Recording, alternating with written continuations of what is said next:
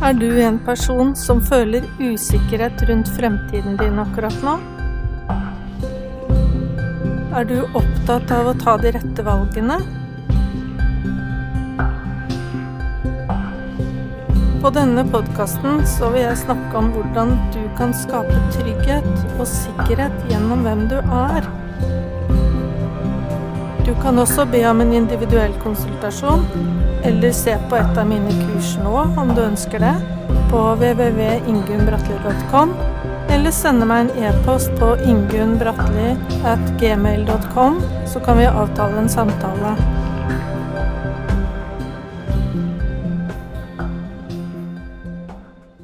Hei og velkommen til denne podkastepisoden. Denne podkastepisoden så har jeg snakka om varsling. Jeg er veldig interessert i egentlig hvem er menneskene som våger å varsle, som risikerer både egen helse og velferd, står opp for gode verdier, rettferdighet og sannhet i de sakene som de bærer fram. I denne podkastepisoden så, så vil den være kanskje best for deg som er leder selv som opplever å være i posisjoner hvor du kan motta varsler. Eller kanskje du også er en person som lurer på om du skal varsle. Jeg har tenkt til å avgrense litt, for dette er jo et kjempestort tema, til å fokusere litt på hva er det som gjør at en blir en varsler. Hva man kan oppleve i prosessen og litt om veien videre etter en eh, varsling, og kanskje avslutte med noen råd til slutt. For å snakke om dette temaet her, så har jeg invitert med meg Gro. Velkommen skal det være så mye, Gro. Tusen takk. Det er jo det er kjempespennende å ha deg med. Jeg lurer litt på om du kan dele litt med, med meg og de som hører på. Hva er det som egentlig gjorde at du ble en varsler? Ja, det skal jeg gjøre. Jeg eh, jobba som eh, regnskapsansvarlig i en privat bedrift på, Statelle Marina i Telemark. Og Der hadde jeg jobba i seks og et halvt år når jeg varsla. Og årsaken til at jeg varsla, er jo at uh, som regnskapsansvarlig så er jeg jo pålagt å varsle hvis det er forhold som ikke var i henhold til regler. Mm. Og um, det gjorde jeg da. Hadde jobba der i seks og et halvt år. Og um, det siste året så hadde jeg stadig avdekka forhold som jeg som regnskapsansvarlig ikke kunne stå inne for. Og når jeg begynte å sjekke opp ting, så, så gikk det på mange ting. skatte- skatt- og avgiftsunndragelser, eh, Nav-bedrageri, Eh, svart arbeid, sosial dumping. Forhold som samla framsto for meg da, som uh, skatt- og avgiftsunndragelser for ganske vesentlig beløp. Jeg vil vel jeg har vel sagt at det her dreier seg om millionbeløp. Skatt- og avgiftsunndragelser millionbeløp over år. Oi, dette var jo store ting, da. Ja. Hvordan, hvordan, var det for deg å jobbe med disse tingene? For det, det påvirka vel din jobb, kanskje? Det påvirka jo min jobb. Og når du jobber i en privat bedrift, og, og, disse forholdene var utført av arbeidsgiver, så i starten så forsto jeg jo ikke omfanget av det, men, eh, og tok jo opp med arbeidsgiver forholdene etter hvert som jeg avdekka de. Men uh, etter hvert så forsto jeg jo at det her var såpass alvorlig at det måtte meldes inn til offentlige myndigheter.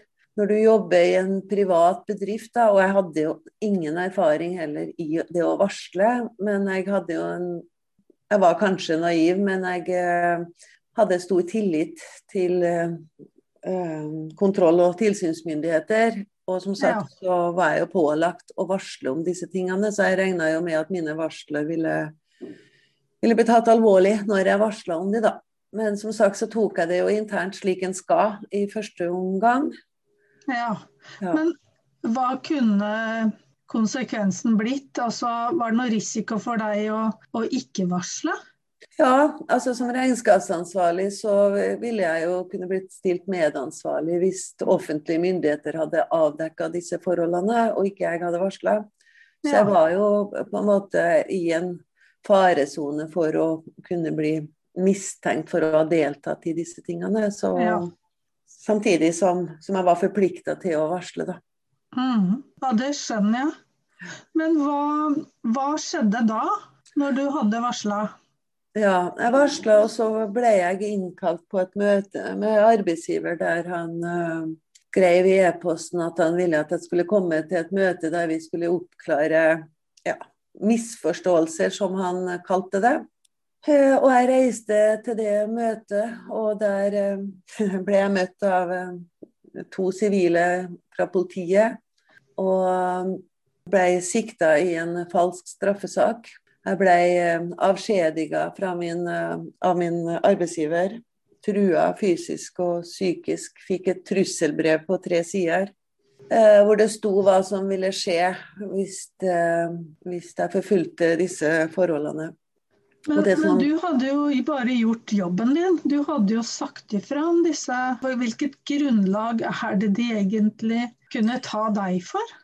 Nei, det vet jeg jo ikke. Og, og, i dag, mange år etter, så vet jeg jo faktisk egentlig ikke hva som, som han hadde sagt for å få politiet på banen. Det fins ingen, ingen grunnlag for at alt det her skjedde da. Men det var jo en veldig skremmende opplevelse, selvfølgelig. Fordi jeg hadde jo aldri hatt noe med politiet å gjøre, og jeg visste jo at ikke jeg hadde gjort noe straffbart, men allikevel så var det en veldig skremmende å oppleve det. Og frykt og skam og altså Det er veldig mye som følger med det, og det å bli sikta i en straffesak når du ikke Ja, det var krevende gjengjeldelser som mm. ja. Og det at jeg ble avskjediga, plutselig sto uten jobb, uten arbeidsinntekt. Sant? Det var det var sjokkerende. Sk veldig skremmende. Ja, det må ha vært helt forferdelig. Mm. Men, men, denne arbeidsgiveren din, han fikk altså politiet til mm. å komme. Du ble ikke satt inn eh, Eller hva skjedde? Hvordan? Nei, jeg ble, ikke, jeg ble ikke satt inn. De, de, eh, ville, de, skulle beslaglegge telefonen min, da, og jeg, eh, på avskjedigelsen så sto det faktisk at politiet hadde bekrefta at jeg hadde gjort meg skyldig i ID-tyveri, sjikanerende og truende atferd. Jeg ante jo ingenting om hva det her dreide seg om, og, men jeg forsto jo ganske kjapt at, uh, at det her var et samarbeid med arbeidsgiver, men jeg ante jo ingenting hva som var bak det. Eh, og forsto jo altså problemet Det største problemet mitt der og da var jo at jeg forsto jo ikke hvordan han hadde fått politiet med seg på det her. I etterkant så vet jeg jo at han, eh, en av hans ja, En storkunde av min arbeidsgiver var jo visepolitimester. Så det her var jo ordna via han. Åssen det var ordna, det, det, kan jeg ikke mm. svare på. Men uh, det var i hvert fall ikke noe berettiget grunnlag, og den siktelsen ble jo etter hvert henlagt også. Men, eh, men, det kompliserte jo forholdene, kan du si, da. Og det at politiet skulle ha, ha bekrefta noe som jeg ikke engang var avhørt i, det, det forteller vel det meste, kanskje. Det her høres jo uvirkelig ut å oppleve noe sånt fra Det var vel ganske sånn fra en dag til en annen òg, så det var nær. Ja, ja. Det her var, var, over natta på en måte, fordi at jeg hadde e-postdialog med min arbeidsgiver på ettermiddagen og kvelden føre, og ble da innkalt til dette møtet. Og det var ingenting i innkallinga som tilsa at, at, noe sånt skulle skje. Det var en veldig sånn, forsonende innkalling, på en måte. At, ja. Så det her kom som lyn fra klar himmel. Disse politimennene da, de presenterte seg jo ikke. De fremla ingen ransakingsordre. De ga meg ingen informasjon. Så, og de sendte meg da inn de møtte meg på utsida av arbeidsplassen og sendte meg inn til arbeidsgiver, da, der som sagt jeg ble trua både fysisk, psykisk og skriftlig og avskjediga, da. Og så venta de på meg på utsida, disse politimennene, og ble med meg hjem etterpå. Og sa at de da kunne ransake hele boligen min, men de tok da med seg en telefon jeg hadde, og forsvant. Jeg fikk jo ingen som sagt ikke sett noen ransakingsordre, ingen bekreftelse på at de tok med seg min telefon, ingenting. Og ikke er det registrert hos politiet at de har gjort det heller. Her høres jo veldig uvirkelig ut, en sånn situasjon å være i. Ja, jeg, jeg sa jo En tror jo ikke at en opplever det, på en måte. Og eh, det gjorde jo varslingssaken min veldig komplisert, i og med at politiet, som du skal stole på, på en måte bidrar. Men jeg forsto jo at mine varsler trua illegitime interesser, da. Og men det, det, kompliserte saken veldig.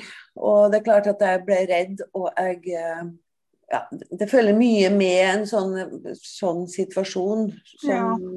Som, ja, for, for eh, jeg, har, eh, jeg, har, jo hørt historien din før, Gro. Og mm. så har jeg tenkt mye på den belastningen som det medfører å, å gå gjennom en sånn prosess. For det fra den ene dagen til den andre, hvor du gjør det som du opplever er din plikt, og det som du sier ifra om forhold som eh, bryter med norsk lov og regnskapsskikk, og til å bli anklaget på den måte, det må ha vært en veldig stor belastning for deg som person. Hvor henter du styrke fra til å komme igjennom og stå i en sånn situasjon? Styrken har jeg vel henta i uh, min tro på rettferdighet. At ikke Ja, hva skal jeg si? Altså, det, det, er vanskelig å si. Men den prosessen, kan du si, da, som varsler, er jo, det er jo en lang prosess. Der og da, når det her skjedde, så ble jeg jo kjemperedd i sjokk. Jeg var vel i, i sjokk, ja. Ja, ja. sjokk i mange, mange, uker, tror jeg. Mm. Hvordan uh, er det å være i et sjokk, bare sånn at de som hører på Nei, altså etter, etter det her skjedde, sant, så fikk jeg jo vanvittige sånn, kroppslige reaksjoner. Som, altså jeg, jeg skalv og rista, kasta opp. Ble helt apatisk, på en måte. Satt mm. bare og, og ja, klarer ikke tenke, du klarer ikke å handle, du klarer ingenting. Fordi du tror ikke på det du har opplevd, at det er, faktisk har skjedd. Ble du sykemeldt? Jeg ble sykemeldt, og ja, ja det, ble, det, ble, jeg. Og ble, var sykemeldt ganske så lenge også. Jeg forsøkte meg tilbake i jobb, og fikk meg en ny jobb. og forsøkte meg tilbake i jobb, men endte opp etter hvert som 100 ufør pga. På påført posttraumatisk stress. På grunn av mm. det her. Ja. Så prisen eh, har vært veldig høy helsemessig og økonomisk også etter hvert, da.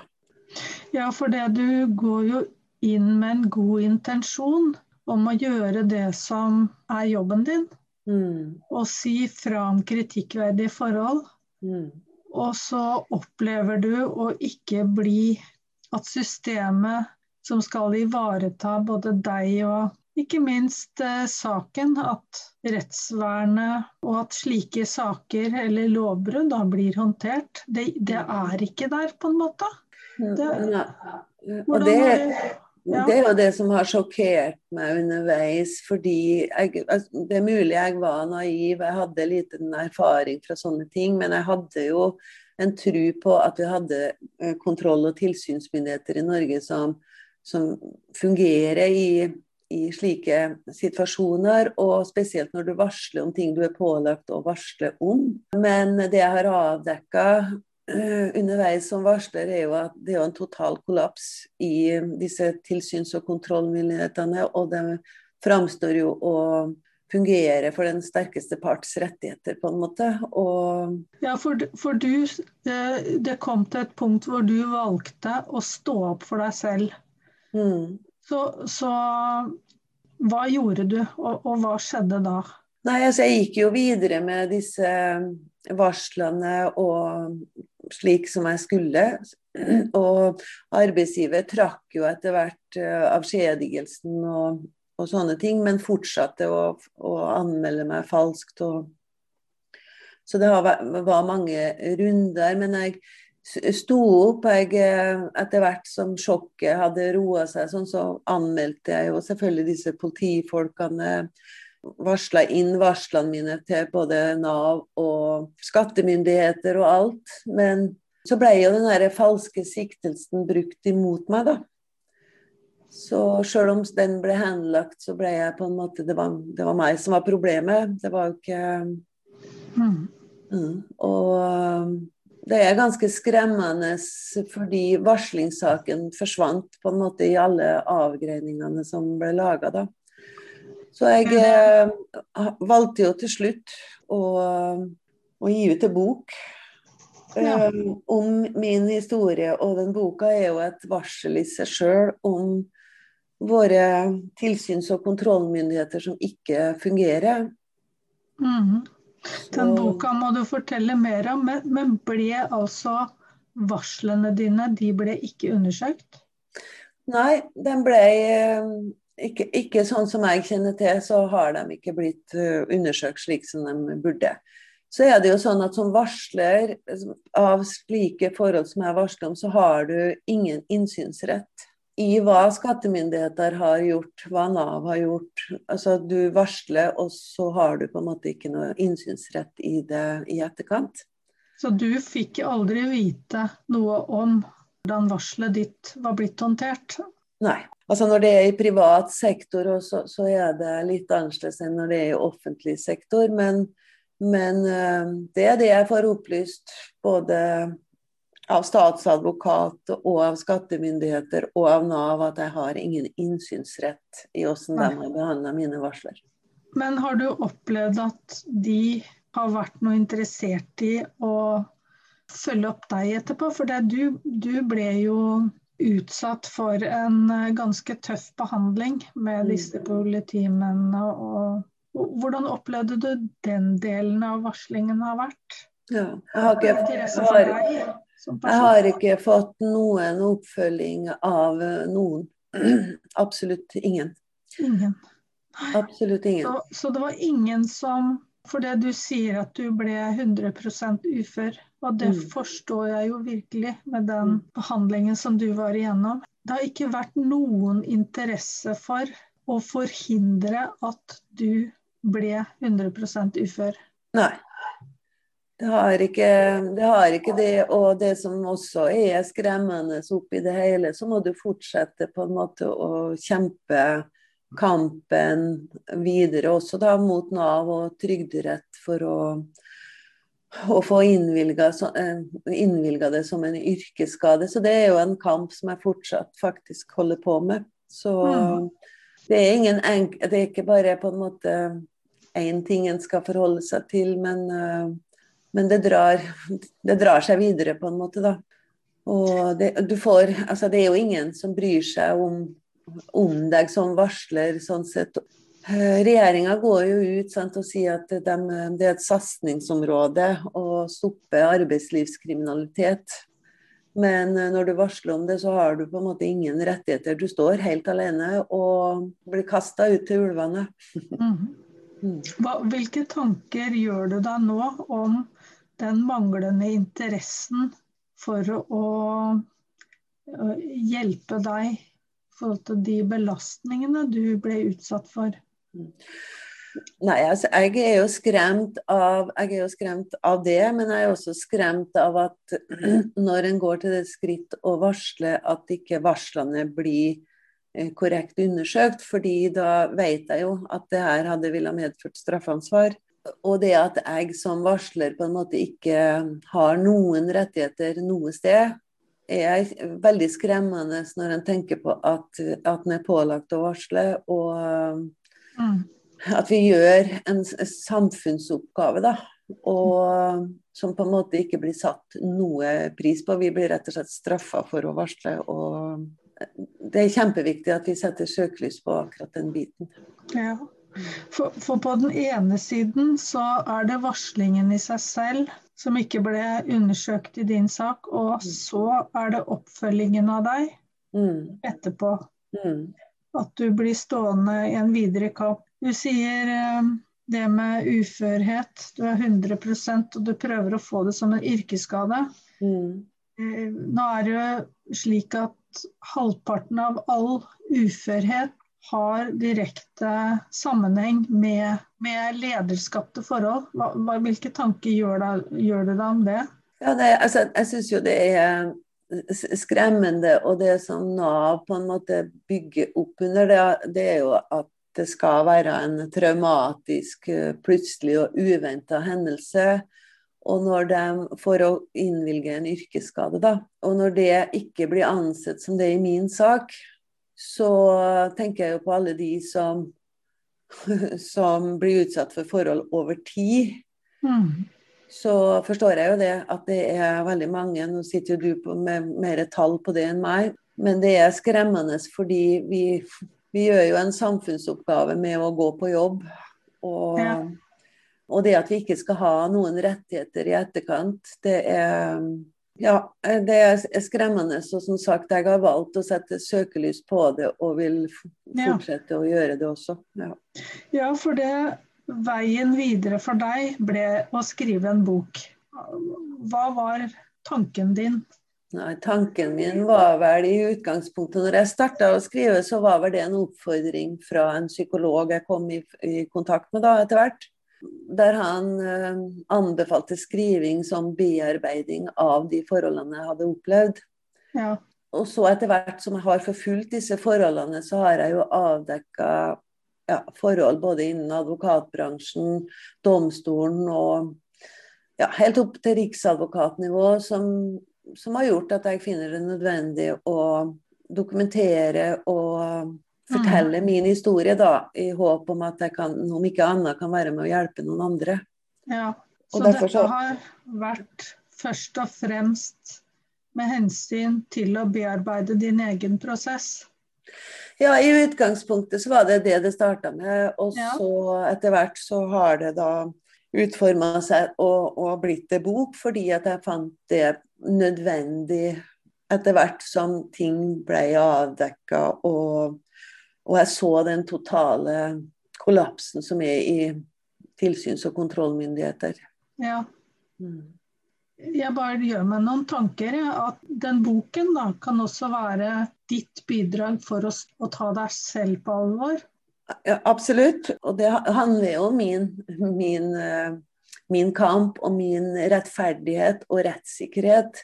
Ja. Så, så, det er jo det som ligger i, i bånn her, altså den mangelen på, på, disse tingene. Og jeg står jo opp for meg sjøl samtidig som jeg nedverdiger meg sjøl med å fortelle min historie på en naken måte. Men samtidig så vet jeg jo nå i etterkant at vi er, vi er mange varslere som sitter med lignende historier som aldri kommer ut.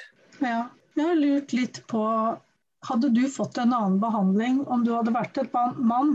Jo, jeg stiller jo også spørsmål til det i boka, fordi jeg blir jo framstilt underveis i den her Amedia av media bl.a. som en kvinne på hevntukt. Hadde de kommet til å gjort det med en mann, liksom? Eh, kjønn, jeg tror kjønn har mye å si, og, og mange, veldig mange varslere er jo kvinner, men selvfølgelig også noen menn. Men jeg tror at vi er veldig lette å rakke ned på som kvinner, dessverre. Mm. Å, å diagnostisere og tråkke ned på damer enn på menn. Men når det er sagt, så er det også mange menn som opplever mye stygt i varslingssaker. Så, ja. så, så, det er jo ikke bare damer for all Det må vi legge vekt på. Ja. Men jeg tror nok at vi fortsatt har et etterslep på at kvinner har Altså at makteliten ser mer ned på kvinner enn på menn, dessverre. Så, så, det å stå i sin sannhet, som du har gjort, og skrive denne historien. Det opplever du fortsatt kan være ja, ikke så akseptert? Nei, og jeg tror jo som sagt at det er vanskelig om du er både mann og kvinne, men jeg eh, som sagt, det som jeg har opplevd i forhold til det med slik som med media, da, og likeens når eh, noe av den saken min var oppe for retten også, så, så var det det at jeg var kvinne, ble på en måte brukt i negativ eh, retning.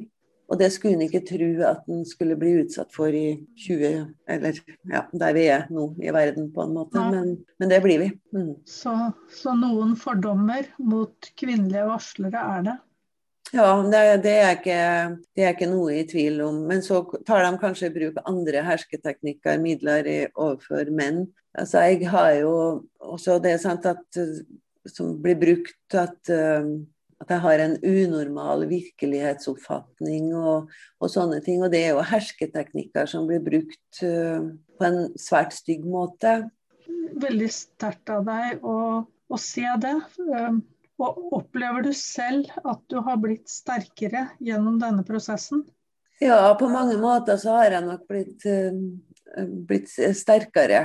Eh, samtidig så har jeg blitt skada på en måte som, som, gjør at det er ja, det er kjempevanskelig å ha tillit til, til, noen, til, noen som helst, på en måte. Men at jeg har blitt sterkere, og det å våge å stå fram Men det har jo vært en prosess. Ja. For når det her skjedde, så var det jo veldig skambelagt. Det var mye redsel, det var mye ja, mange ting som kom inn i bildet. Også selvfølgelig den der økonomiske usikkerheten.